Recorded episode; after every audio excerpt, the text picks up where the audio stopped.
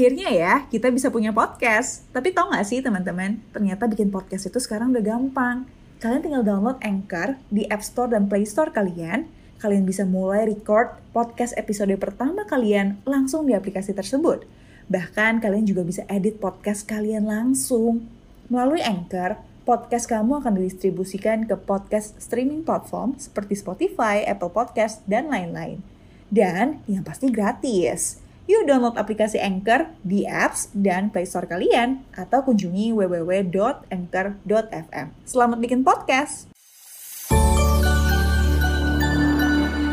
Hey, welcome back. Semoga belum bosan ya cerita-cerita sama aku.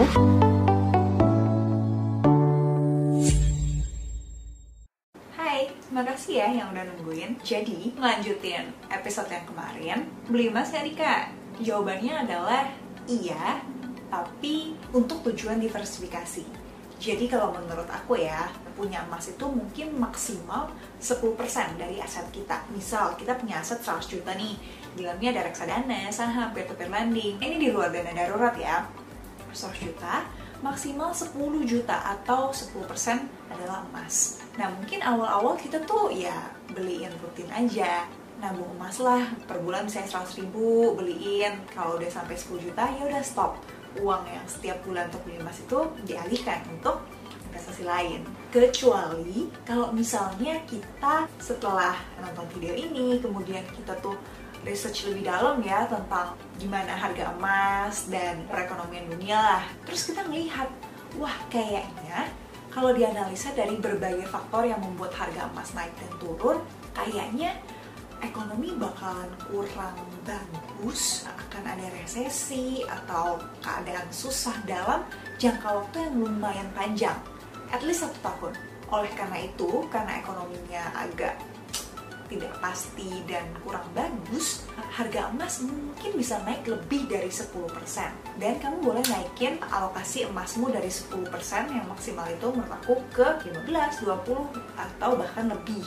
Nah, di saat itulah kamu melihat emas itu udah sebagai investasi, bukan sebagai alat untuk diversifikasi lagi. Karena kamu melihat nih, setelah mempelajari siklusnya, harga emas bisa naik cukup banyak dalam waktu dekat ini gitu.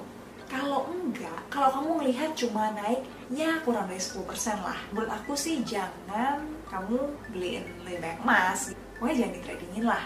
Ini aku ngomongin dari tadi emas batangan ya, bukan trading emas yang trading nilainya doang yang kayak di MetaTrader atau kayak forex gitu itu itu beda. Emang kenapa kak? Kenapa nggak boleh di tradingin kalau untungnya kurang dari 10%? Kalau 10% kan lumayan ya.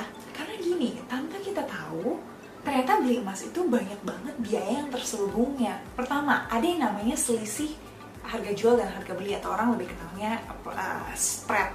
Jadi kamu beli tuh misalnya berapa ya? Sekarang satu juta lah ya biar gampang per gram. Kamu beli satu juta. Harga jual di saat itu juga tuh di bawah harga beli kamu, let's say 950 ribu. Jadi, the moment kamu beli dan langsung mau jual saat itu, kamu udah langsung rugi senilai spread itu. Biasa spreadnya ya 3 sampai eh, mungkin bisa 10%. Kamu di awal aja udah rugi. Kamu harus make sure kamu harga emas tuh bisa naik at least kalau spreadnya 5%. Kamu harus make sure nih harga emas nanti pas kamu jual bisa naik 15% dong. Karena kamu harus nutupin apa spread kamu 5% dan untung kamu mau 10% let's say. Itu pertama. Uh, dan kedua, kamu harus tahu bahwa kalau kita beli emas batangan, beli emas fisik kayak gitu ya, kita harus ada biaya untuk menyimpan emas ini kan, dan emas ini kan sesuatu yang sangat berharga dong. That's why kita belikan dan harus simpannya hati-hati. Nah ini namanya biaya penyimpanan atau storage cost. Ya biasanya kalau kecil ya mungkin bisa kali ya simpan di rumah, tapi sebenarnya berbahaya juga. Biasanya sih orang taruhnya di brankas atau safe deposit box kalau di bank-bank ya lumayan harganya mungkin bisa 200 sampai 500 ribu per tahun. Jadi kalau menurut aku sih beli emas tuh digital aja. Tapi kamu harus make sure tempat kamu beli itu ya dia bisa perdagangin emas karena dia punya emasnya gitu. Dia punya emas fisiknya. Karena ada aplikasi yang di mana kamu bisa jual beli emas tapi sebenarnya dia nggak punya emas fisiknya. Tapi dia cuma punya semacam kayak surat berharga atau derivatif. Makanya ketika kamu mau nabung emas atau beli emas digital, kamu harus cek dia tuh benar punya emasnya. Dan biasa cara mudah untuk mengeceknya adalah apakah kamu bisa mencetak emas itu. Akhirnya ya, kita bisa punya podcast. Tapi tau gak sih teman-teman, ternyata bikin podcast itu sekarang udah gampang. Kalian tinggal download Anchor di App Store dan Play Store kalian. Kalian bisa mulai record podcast episode pertama kalian langsung di aplikasi tersebut. Bahkan kalian juga bisa edit podcast kalian langsung. Melalui Anchor, podcast kamu akan didistribusikan ke podcast streaming platform seperti Spotify, Apple Podcast, dan lain-lain.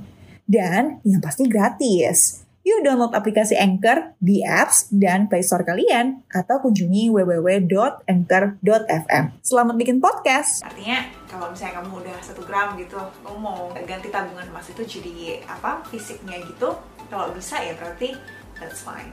Kemudian selain spread sama biaya penyimpanan itu ada banyak biaya lain, misalnya uh, biaya administrasi atau buka rekening awal. Tapi kalau yang digital sih biasanya nggak ada ya. Terus biaya transaksi jual beli emas itu. Karena aku nyobain ya di Pegadaian. Ada biaya transfer tau. Kayak 2500 terus kayaknya dari BCA ke BCA deh virtual account. Ada pajak penghasilan dua-dua. Jadi kalau kamu punya NPWP pajaknya cuma 0,45% dari nilai transaksimu tapi kalau kamu nggak punya NPWP 0,9% jadi ya udah bikin NPWP aja orang itu gampang kok. Kemudian ada lagi biaya untuk cetak emas. Misalnya kamu nabung emas terus kamu mau cetak nih itu ada biayanya. Emas yang udah tercetak ini misalnya mau dikirimkan ke kamu nih itu ada biaya pengiriman dan asuransinya. Karena ya emas itu kan nah, lumayan berharga ya. Jadi sebenarnya ada banyak banget biaya-biaya yang terselubung di investasi emas Nah, jadi kalau kita mempertimbangkan semua biaya-biaya itu, baiknya beli emas di mana nih, Kak? Lebih baik tuh menurut aku nabung emas, karena at least kamu nggak usah ada biaya simpannya lah, ya kan? Dan biaya pembeliannya juga bisa lebih kecil. Berarti kan beli emas digital nih. Nah, tapi kamu harus, kamu mesti cek apakah aplikasi ini atau platform ini tuh benar-benar punya emas fisik di belakangnya itu yang paling pertama nah kedua pilih yang spreadnya tuh paling kecil nah itu kan artinya kamu memperkecil kerugian kamu di awal ya kan nah aku lihat sih beberapa platform ya kayak misalnya buka emas atau Bareksa Emas atau Tokopedia Emas mereka tuh rata-rata partner dengan Pegadaian atau Indogold. Jadi secara logika aja pasti spreadnya lebih gede dong. Kalau kamu beli langsung di Indogold atau Pegadaian spreadnya 3% nih.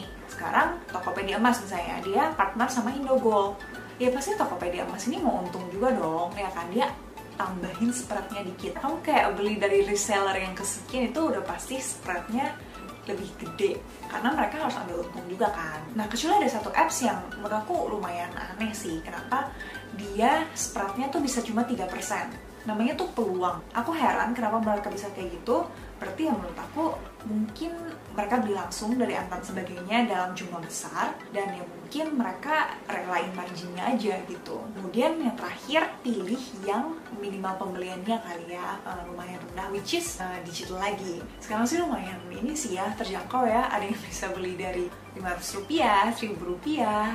Aku pernah nyobain beli di oh kok pegadaian digital tuh minimal 50 ribu Indogo aku pernah cobain tuh uh, seribu bisa. Nah overall menurut aku sih pilih yang tangan pertama gitu loh. Jangan reseller yang kesekian ya. Karena orang pertama pasti spreadnya paling kecil which is kayak Indogo atau pegadaian digital. Nah itu kan proses pembelian ya. Aku ada dengar sih dari beberapa orang bahwa kalau misalnya kita mau cairkan misalnya ini kayak pegadaian digital cairinnya tuh agak ribet gitu deh. Katanya pergi ke pegadaiannya terus rekeningnya nggak terdaftar gitu-gitu.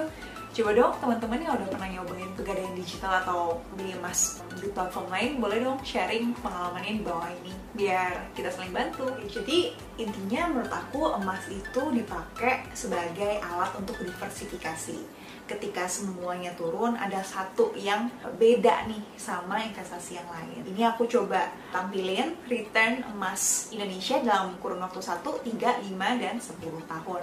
Dan aku juga coba bandingin dengan reksadana pasar uang saham yang diwakili oleh IHSG reksadana saham. Uh, pesan dari aku sih video ini mungkin cuma pembuka lah dari jendela yang lebih besar.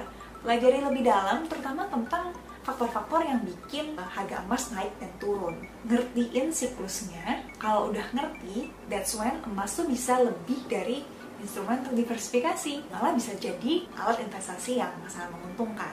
Invest in what you understand. Kalau belum ada yang kamu ngerti, maybe it's time for you to invest in yourself. Aku nggak bisa bahas semuanya, karena emang masih ada beberapa hal yang jujur aku belum ngerti.